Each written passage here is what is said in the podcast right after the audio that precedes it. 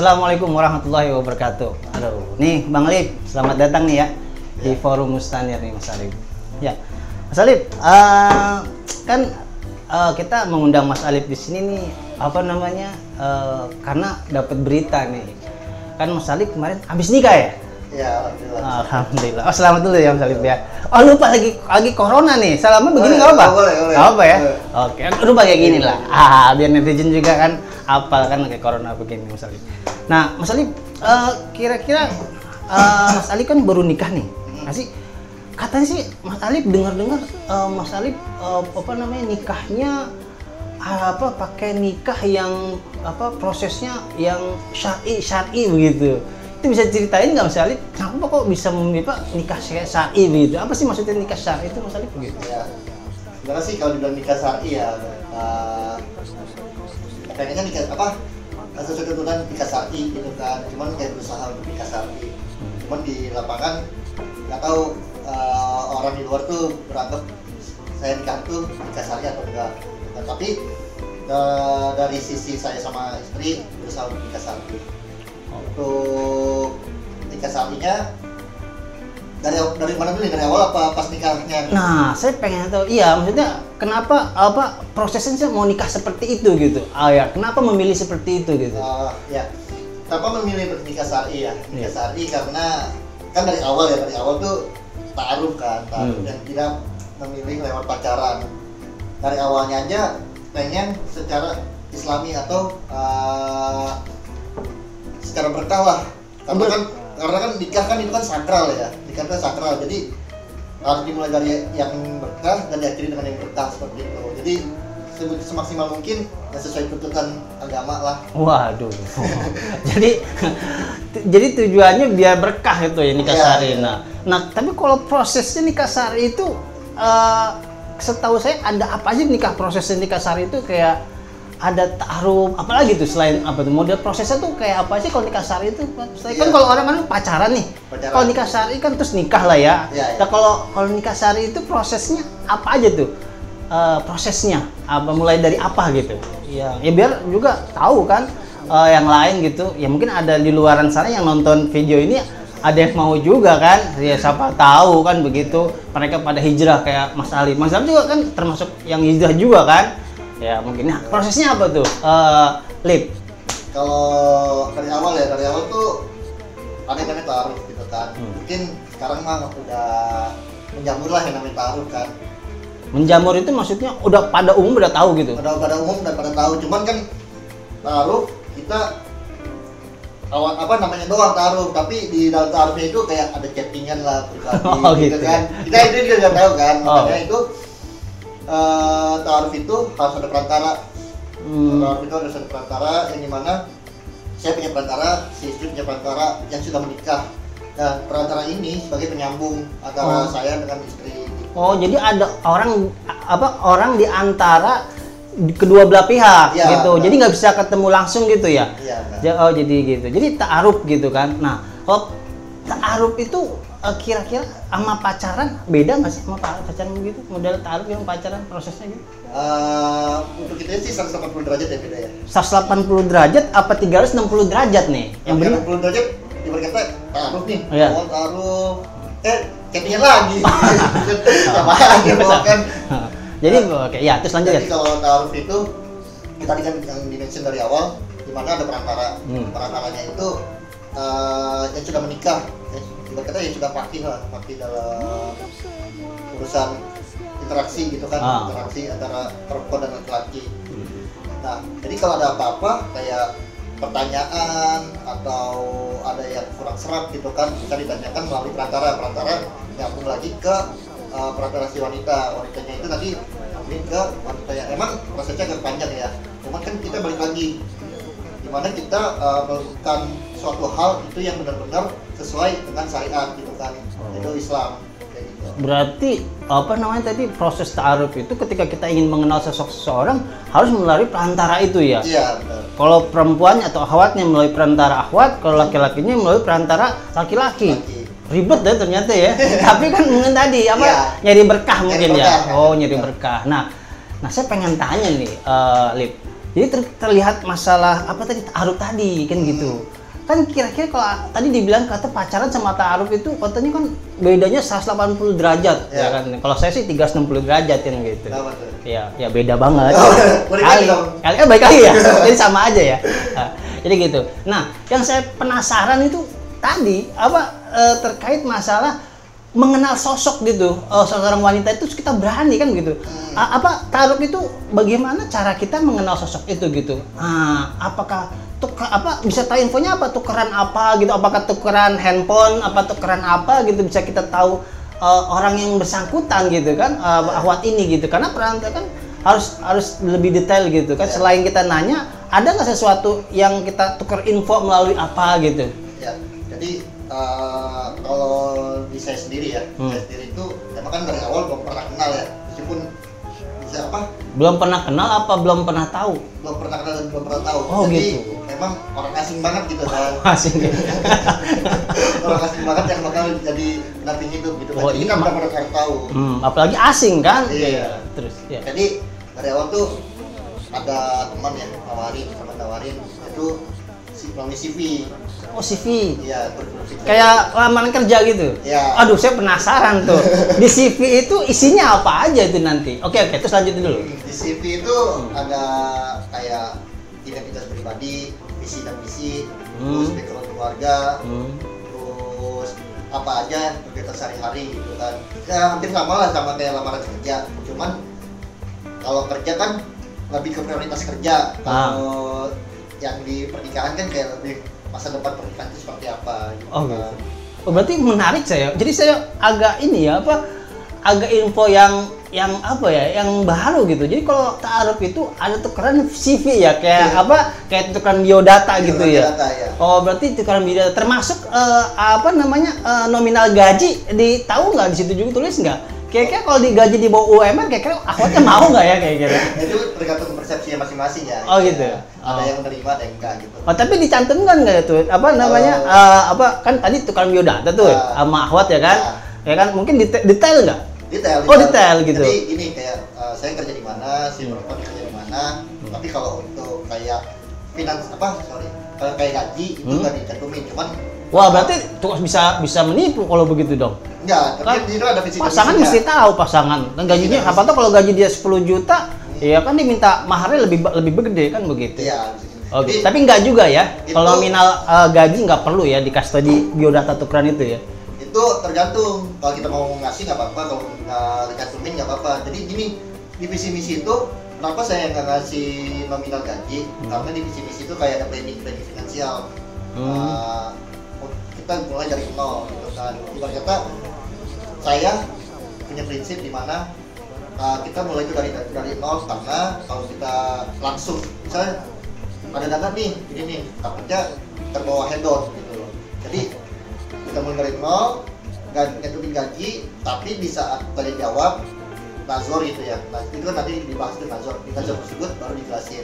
Dari Oh begitu. Jadi oh, ta'aruf itu pertama beda sama pacaran, cara mengenal mengenal orang gitu ya. Tadi tadi ta'aruf itu ada proses apa tukeran biodata gitu sampai Iya. sedetail begitunya ya. ya Oh, jadi oh berarti eh, ketika kita sudah menerima itu eh, kira-kira eh, apa sih yang menjadi pertimbangannya kita oh percaya sama sama isi biodata sosok ahwat itu kan itu misalnya di karang-karang gitu. Iya, Eh, kita kayak kucing dalam karung. Iya gitu, beli kucing dalam karung. Enggak lah, kalau ahwat mah bukan kucing kali, Nah, meong. ibarat kata. Oh iya, ibarat kata. Iya.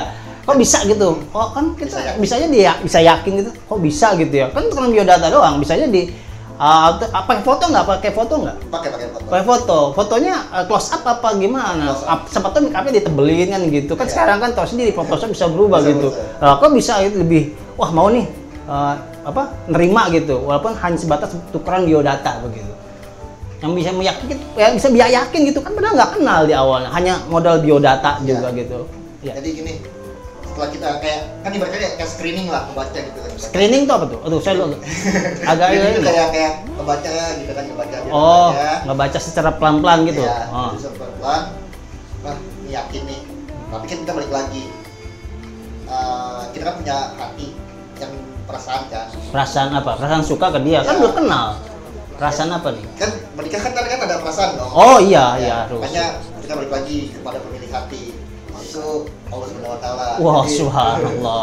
jadi Berarti ada namanya tuh kayak istiqoroh lah ya istiqoroh oh sholat istikharah. istiqoroh ya, minta petunjuk Tapi setahu saya, maaf nih saya potong ya, istikharah ya. Kalau istikharah itu kan setahu saya itu bukan memilih sesuatu buruk dan dan jelek. Istikharah itu mem- memilih sesuatu di antara dua kebaikan. Ya kan, Ya. ini baik, ini baik. Nah, jangan-jangan udah ada dua akhwat kali, dua bidata pakai istikharah. Enggak juga kan? untuk awalnya sih Enggak ya? untuk awalnya, oh, awalnya untuk awalnya karena ini istiqoroh eh, saya kan masih ada apa tabungan tuh pas-pasan gitu kan tabungan apa tuh? tabungan pribadi gitu kan Pas-pasan konteksnya maksudnya buat modal nikah gitu ya? Iya, oh. Cuman di satu sisi kayak udah umur 27 gitu kan. Oh, kemarin umur 27 Iya, nikah. nikah. Karena impiannya itu umur 22 menikah. Impian. Iya, Oh. impian umur 22, tapi ya pada 22 dikasih 27. Tujuh. Ya, jadi ya istiqoroh. Wah, yakin nih, yakin. Maju lah. Maju. Eh, setelah itu ada namanya eh, istiqoroh maju nazor nazor itu lebih untuk kayak meyakinkan kan nazar itu ketemu Hmm. nazar itu ketemu jadi ketemunya itu eh ada pelajarannya juga nggak langsung ketemu berdua gitu Oh gitu. Eh, nazar itu lebih meyakinkan karena kan percakapan langsung ya Oh, jadi setelah yakin eh Nazar tuh ketemu langsung tuh. Iya. Tapi ketemu juga walaupun belum pernah ketemu tapi juga ada perantaranya lagi tuh. Iya ada perantaranya karena Wah. untuk menjaga dari proses tersebut kan Wah, jadi apa netizen mesti tahu nih ternyata ketika apa ta'aruf itu mau ketemu aja harus ada pendampingnya ya. Iya. Wah, berarti kita nggak bisa berduaan terus ya? Nggak bisa ya? Aduh. Ah, jadi sebenarnya sih ya ya apa ya ini modalnya harus modal kuat keimanan berarti ya Iya. karena kita memilih sesuatu harus benar-benar sesuai dengan standar syariat lah berarti ya oh begitu lanjut coba lanjut Nah, jadi di mana Dazor itu ketemu, jadi uh, bertatap gitu bertatap Hmm. sesuai nggak sih sama yang difoto Oh, gitu kan, ya. bener kan jadi yang jawab ada ada mau Photoshop kan Oh, yang iya. ada ditebak-tebalin yang kurang gitu Oh kan. gitu. Jadi eh, untuk meyakinkan Nazar itu ketemu pengen nyamain nih antara foto sama langsungnya ya kan. Iya. Takutnya beda gitu ya, ya kan? Oh oke oke yakin. Oke. Saya saya eh, apa namanya? eh ya maksudnya ngerti lah sampai sekarang. Itu lanjut lanjut.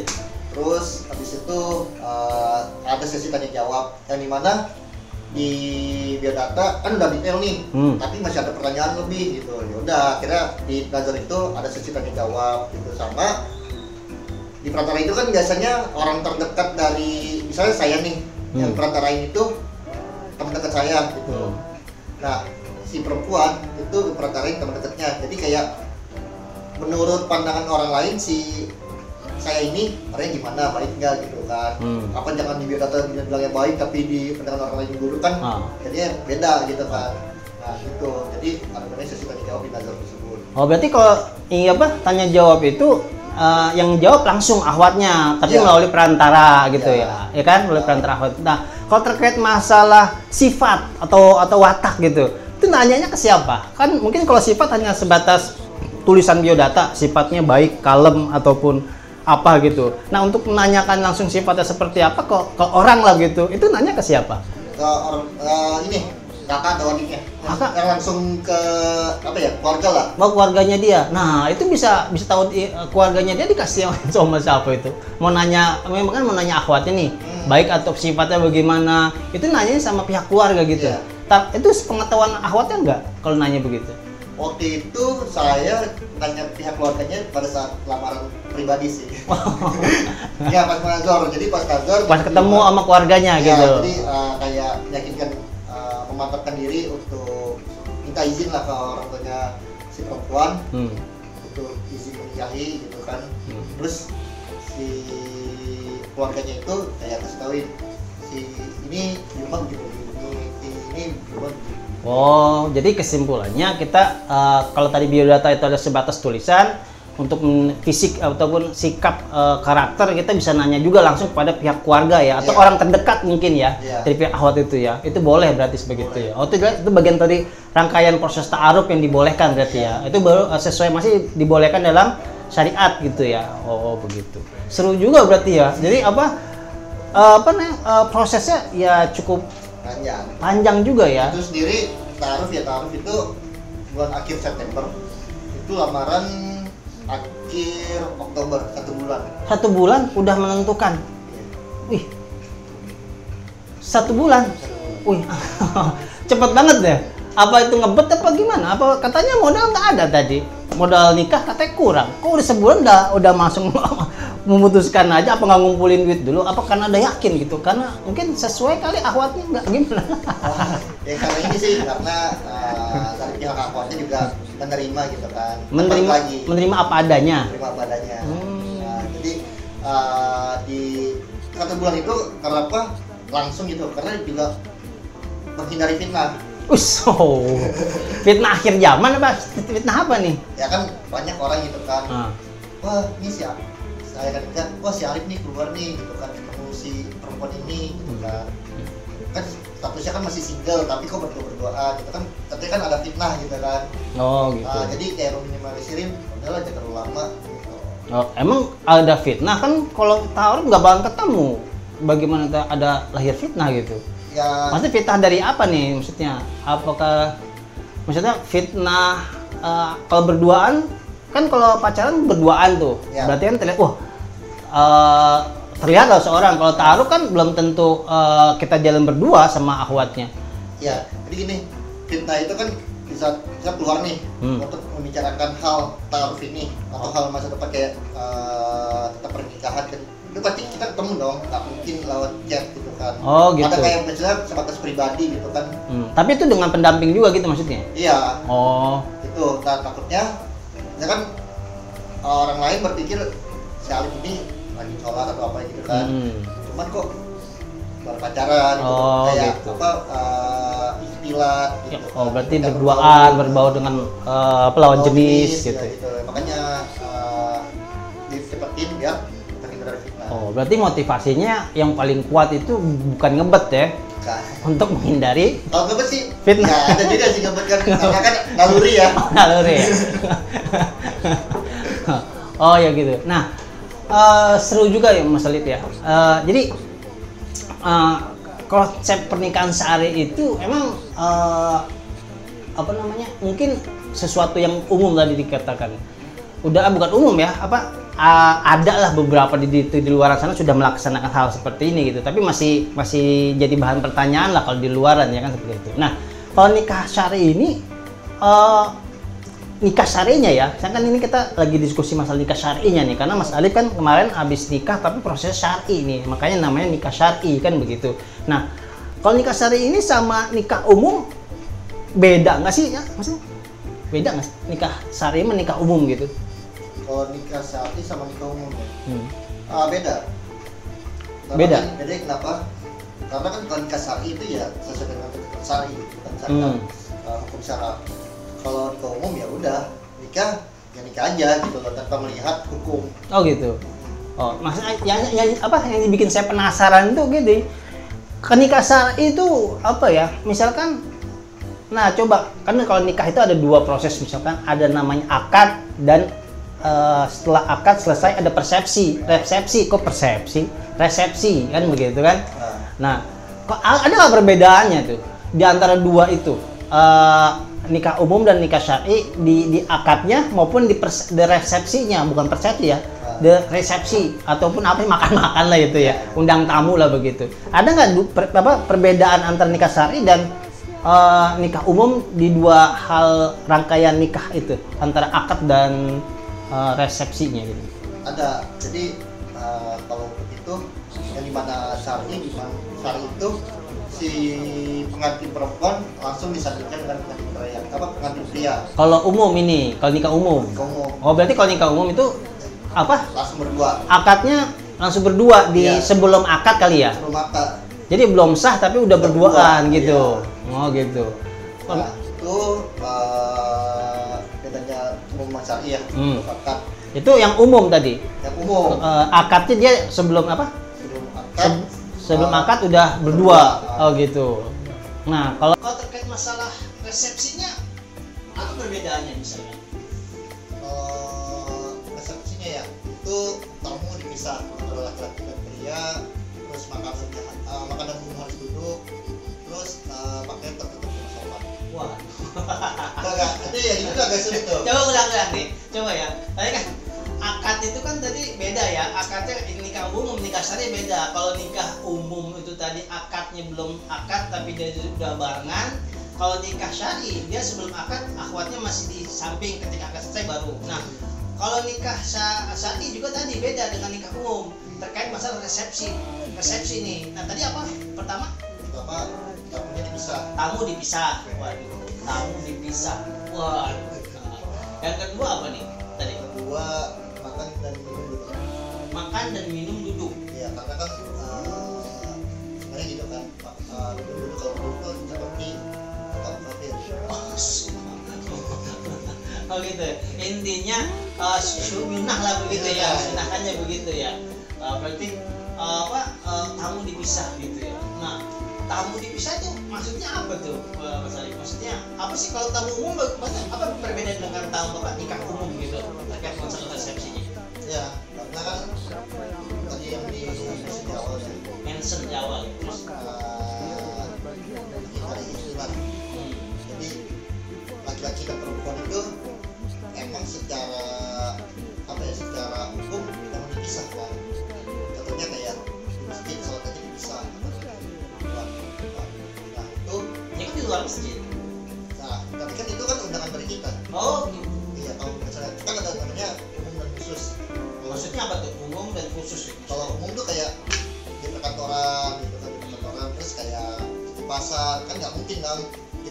Bisa gitu ya. ini kita pisahin gitu kan nggak mungkin ya kan karena kan angkot, beda angkot gitu ya, Iya. nggak bisa dipisah gitu.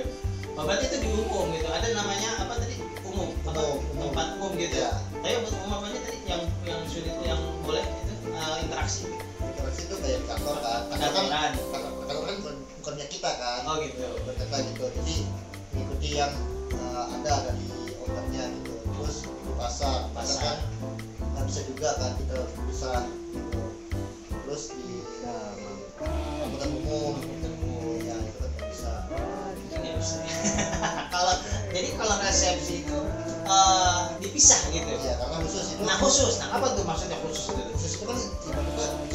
hajat Ya, kalau kita membar- apa membiarkan campur baur sedangkan campur baur aja dilarang dengan agama tapi kita memfasilitasi hal itu berarti kita sama aja untuk membiarkan dosa beristilah itu mencampur baur karena undangan kita. Iya. Kita yang dosa. Waduh, ribet juga ya. Waduh. Ah, ini mau nikah yang kedua mau sari kayaknya, tapi kayaknya ya. Gimana cuman ya Ya gimana? Oh, berarti begitu. Jadi kan nikah umum dan nikah syari berbeda ya dalam hal akad dan juga resepsi gitu ya maksudnya. Saya menarik gitu. Tadi kayak bicara masalah apa namanya dipisah itu. Itu kayak kan umum gak sih di masyarakat seperti itu? Diterima nggak di, di kalangan masyarakat kalau dipisah gitu? kalau itu sih eh, aneh ya. Aneh ya. Eh. Iya aneh. ya aneh mungkin ya makan dipisah gitu mungkin dari rumah kita dandan cakep ya kan pasangan ya kan? Sama suami istri atau mas pacaran ya kan? Ingin eh, ter- eh, terlihat eh, mesra berdua gitu. Eh pas sampai tujuan dipisah ya kan? Bagaimana ya kan perasaannya? Mungkin menurut saya eh, untuk saat ini mungkin aneh gitu ya misalnya gitu ya, pas sampai tempat pernikahan dipisah tamu begitu iya. Nah, ada nggak apa namanya kendala gitu misalnya eh, apa terkait tamu itu nggak mau lah digituin gitu. Eh, terkait undangannya bagaimana? Ada nggak saran-saran untuk sebelum dia datang ke sana, jadi dia udah tahu bahwa itu dipisah gitu. Atau dari undangan atau informasi seperti apa? Biar undangan nggak kaget gitu. itu ada pas undangan jadi, Undangan. jadi Maksudnya kita gimana? eh, memberikan informasi mana tamu dipisah satu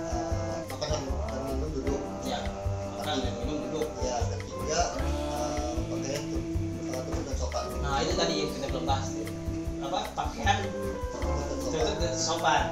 Walaupun non muslim juga ya seenggaknya sopan itu tertutup lah ya. Walaupun kita nggak katakan pakaian pakaian muslim tapi dia paham lah ya. Paham lah. Berarti di undangan itu sudah di Nah, apa di uh, diberitahukan oh ada pemberitahuan di undangan itu gitu. Terkait masalah uh, tiga hal tadi. Itu ditulis di undangan itu oh gitu. Jadi di undangan itulah jadi masa apa undang tamu undangan tahu informasi terkait tiga hal tadi. Iya. terkait masalah tamu dipisah bisa. Terus uh, pakai oh, apa ya depan maka dari oh berarti udah diinformasinya di undangan itu? Awal. Oh, ih, menarik juga ya.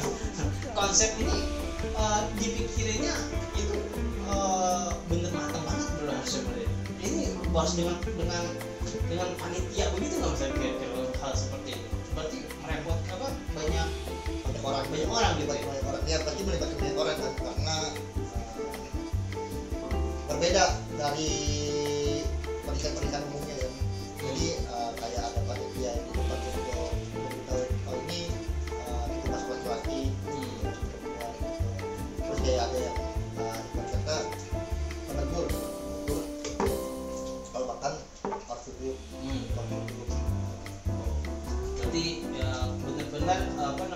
konsepnya benar harus matang dulu ya kalau Iya. nikah syari secara yang tadi uh, Alif ceritakan ya emang ini kalau saya juga bayanginnya emang agak apa ya ya agak sulit lah ya mungkin ya karena tadi uh, nggak terbiasa mungkin ya.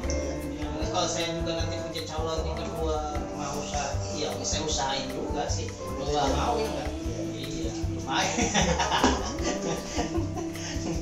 Oke, jadi seru nih Mas Alif tentang nikah sari ini nih Mas Alif nih.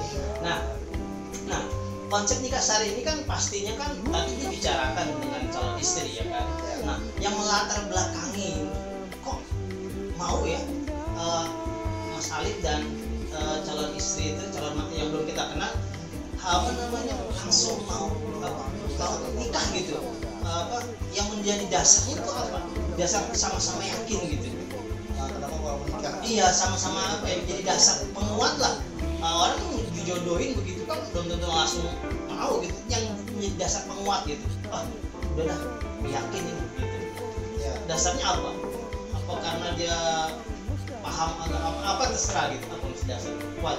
Jadi ini sih kan apa ada di aturan ya orang yang baik saya dapatin pasangan baik gitu kan. Jadi oh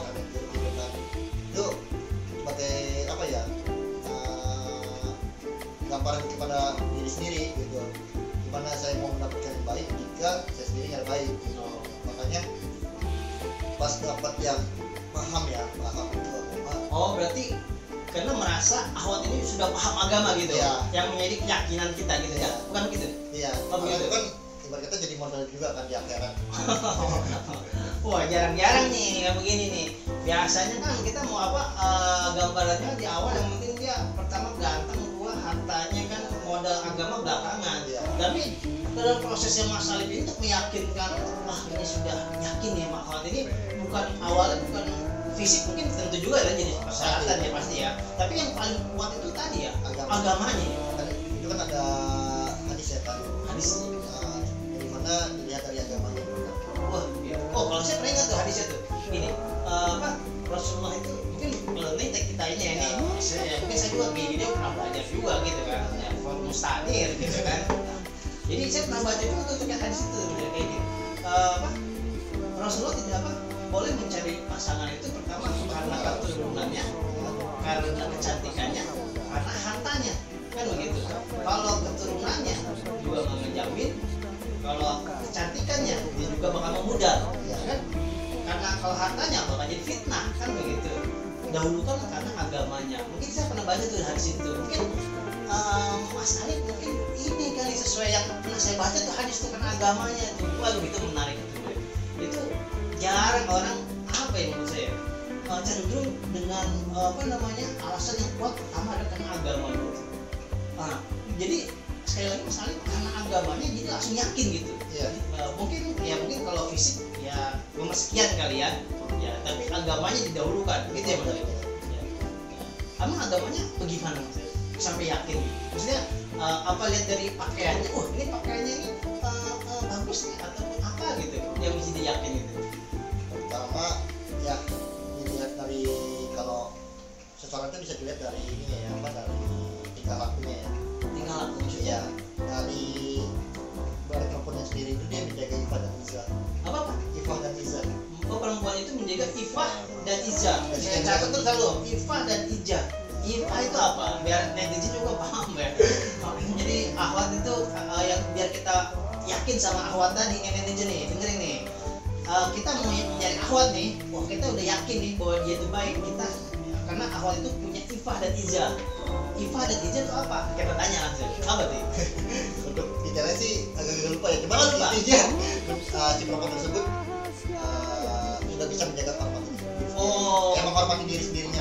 Ifa jadi oh orang bisa menjaga, menjaga kehormatan itu dengan cara mungkin apa tuh? Kayak dia memprotek uh, diri sendiri dengan kan kita keluar ya keluar dapat keluar sama mahram oh gitu. Gua nggak bukan mahram terus Dan apa terus? sih apa uh, Pakaiannya kali. ya? pakaiannya. Pakaiannya kenapa? pakaiannya tertutup. Berarti saya ingat siapa tuh ada ulama ulama ini nih apa ulama uh, terkenal ya masih muda juga tuh pernah juga nikah tuh pernah nikah sama calonnya uh, karena cuma modal ngelihat calonnya itu dia berpakaian tertutup Hmm. yakin dengan pakaian tertutup aja semua menerima gitu oh jadi mungkin salah satu itu gitu. jadi saya teringat tuh ada apa keyakinan wah ini akhwat sudah berani pakai apa pakaiannya aja sudah menjaga yang Iya. tadi ifah kali ya Iya. menjaga kehormatannya kehormatan. wah itu mungkin apa menjadi dasar penguat kita untuk wah udah yakin dah Hmm. Ini pakaiannya jadi terjaga apalagi nanti suaminya mungkin lebih dijaga mungkin begitu kali ya. Ya enggak oh, waduh. Saya sangat menarik sih kita diskusi masalah nikah syari ini dan prosesnya dan mencari dan, dan tadi sampai kita sampai memilih dan berani langsung baru taat langsung nikah prosesnya begitu panjang tapi menurut saya menarik ya. Menariknya mungkin karena ah ini ya sesuai karena syari jadi tenang gitu ya. Iya. mungkin prosesnya kenapa harus begini untuk mendapatkan apa berkah ya Allah emang kalau pacaran nggak berkah ya pacaran mana ya? Pacaran itu kan sumber dari zina. Oh gitu oh gitu bisa zina mata zina tangan kan? Apalagi kalau pacaran pasti berduaan. Hmm. berduaan itu pasti ada setan. Ya ya.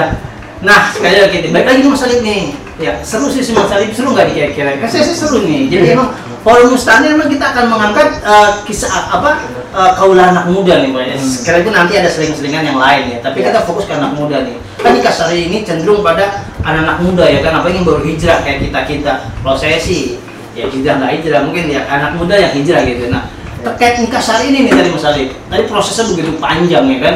Nah terkait masalah tadi mungkin kan tadi pemahaman nikah syari itu yang Islam itu kita yang tahu ya kan. Um, calon pasangan. Nah saya mau balik lagi nih ke pihak keluarga nih. Nah nikah syari ini kan tadi beda apa nggak umum gitu. Nah bagaimana nih? Ada nggak tantangan dari keluarga gitu?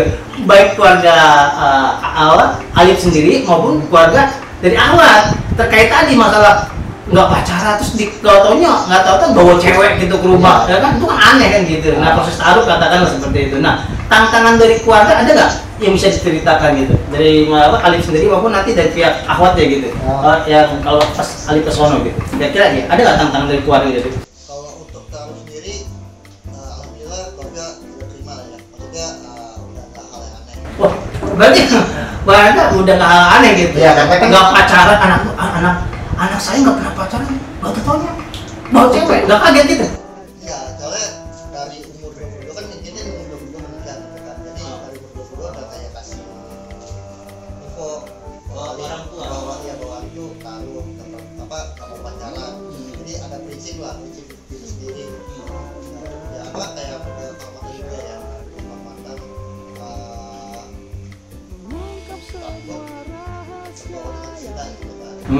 Oh berarti dari umur 22 emang mau nikah syar'i gitu ya? Iya.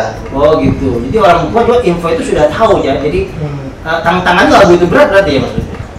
Untuk awalnya nggak terlalu berat, cuman pas eh, udah memasuki kayak resepsi itu baru Ini yang seru nih, seru nih. Nah, tadi kan uh, apa bilangnya awalnya nggak berat nih untuk mengenalkan yang walaupun tadi nggak pacaran, nggak tanya ujuk-ujuk ya bahasa orang preman periuknya begitu, ujuk-ujuk kayak gitu ya. Tiba-tiba bawa cewek aja ke rumah kan gitu, Nah. bukan bawa cewek sendiri tapi ada perantaranya kan begitu. Nggak kaget karena orang tua udah udah paham lah begitu. Ya tantangannya gitu berat berat. Tapi beratnya di pas eh, oh maksudnya beratnya itu di mana tuh Eh, terkait tantangan dari keluarga terkait nikah saat ini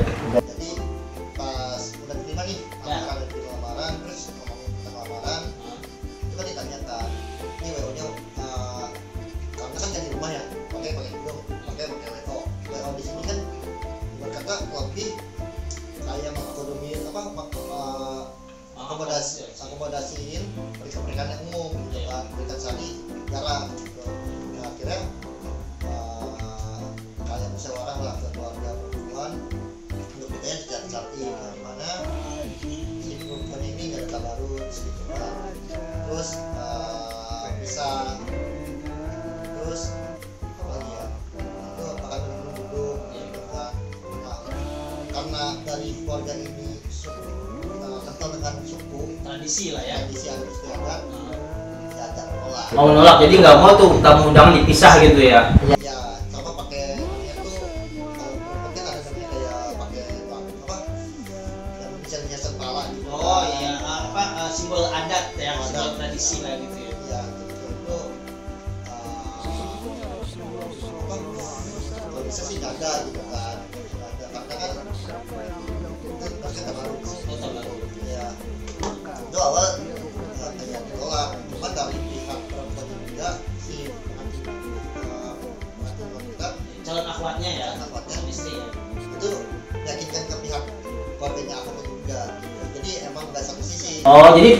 sisi lah ya Iya. yang uh, antum awal sendiri yakinin ke pihak keluarga yang akhwatnya juga meyakinkan ke pihak keluarga gitu. Biar tidak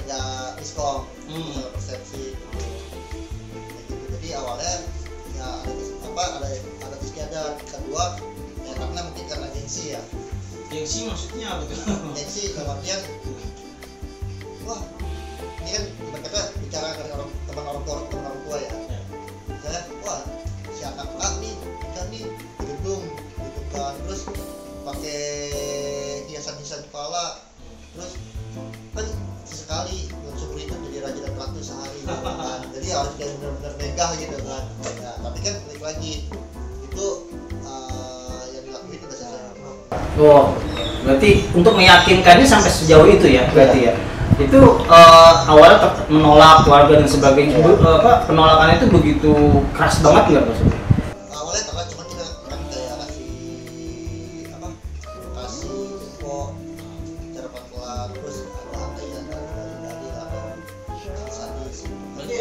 Untuk meyakinkannya akhirnya bawa dalil-dalil juga nih juga. iya Baru tuh keluarga mau nerima gitu menarik juga nih nikah syari ini. Eh, mungkin eh, kita diskusi udah berapa menit ini, kita seru juga nih terkait masalah apa namanya nikah syari ini. Iya. Mungkin eh, ada nggak Mas Ali terkait masalah eh, nikah syari ini ataupun eh, eh, apa apa closing statement gitu ataupun yang ingin disampaikan terkait nikah syari ini. Emang tadi saya, cukup menarik banget nih diskusi ini dengan nikah syari. Mungkin kita akan diskusi lagi lain waktu nih Mas Ali ya Iya. uh, terkait masalah nikah syari ini karena ya, forum mustanir ini emang cenderung pada kita akan uh, apa namanya menyampaikan uh, apa ya fikroh atau pemikiran Islam kepada uh, anak-anak muda di Indonesia gitu Mas Arif. terkait masalah nikah syari juga menurut menurut uh, forum mustanir ini bagian dari kebaikan makanya saya undang nih Ali ke sini nih makanya menjadi mudah-mudahan ini bisa jadi menjadi contoh bagi yang lain dan teman-teman yang lain yang di luar sana yang netizen bisa mau uh, apa uh, mengikuti proses seperti ini walaupun tadi tukeran biodata dan sebagainya. Oke, mungkin ada uh, closing statement uh, uh, terkait masalah syari. Silakan.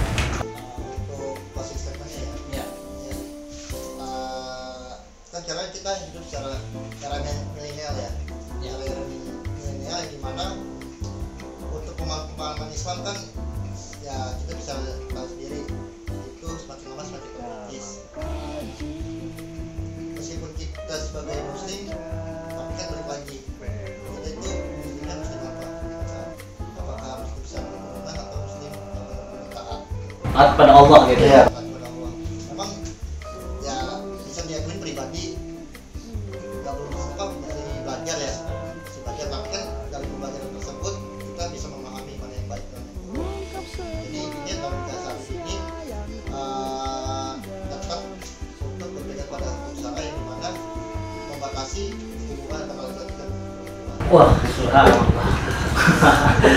Interaktif closing statement statementnya yang begitu menurut saya menyentuh gitu.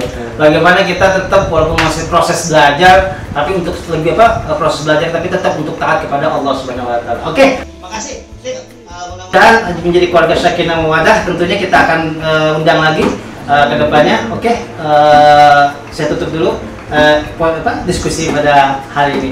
Ya, assalamualaikum warahmatullahi wabarakatuh.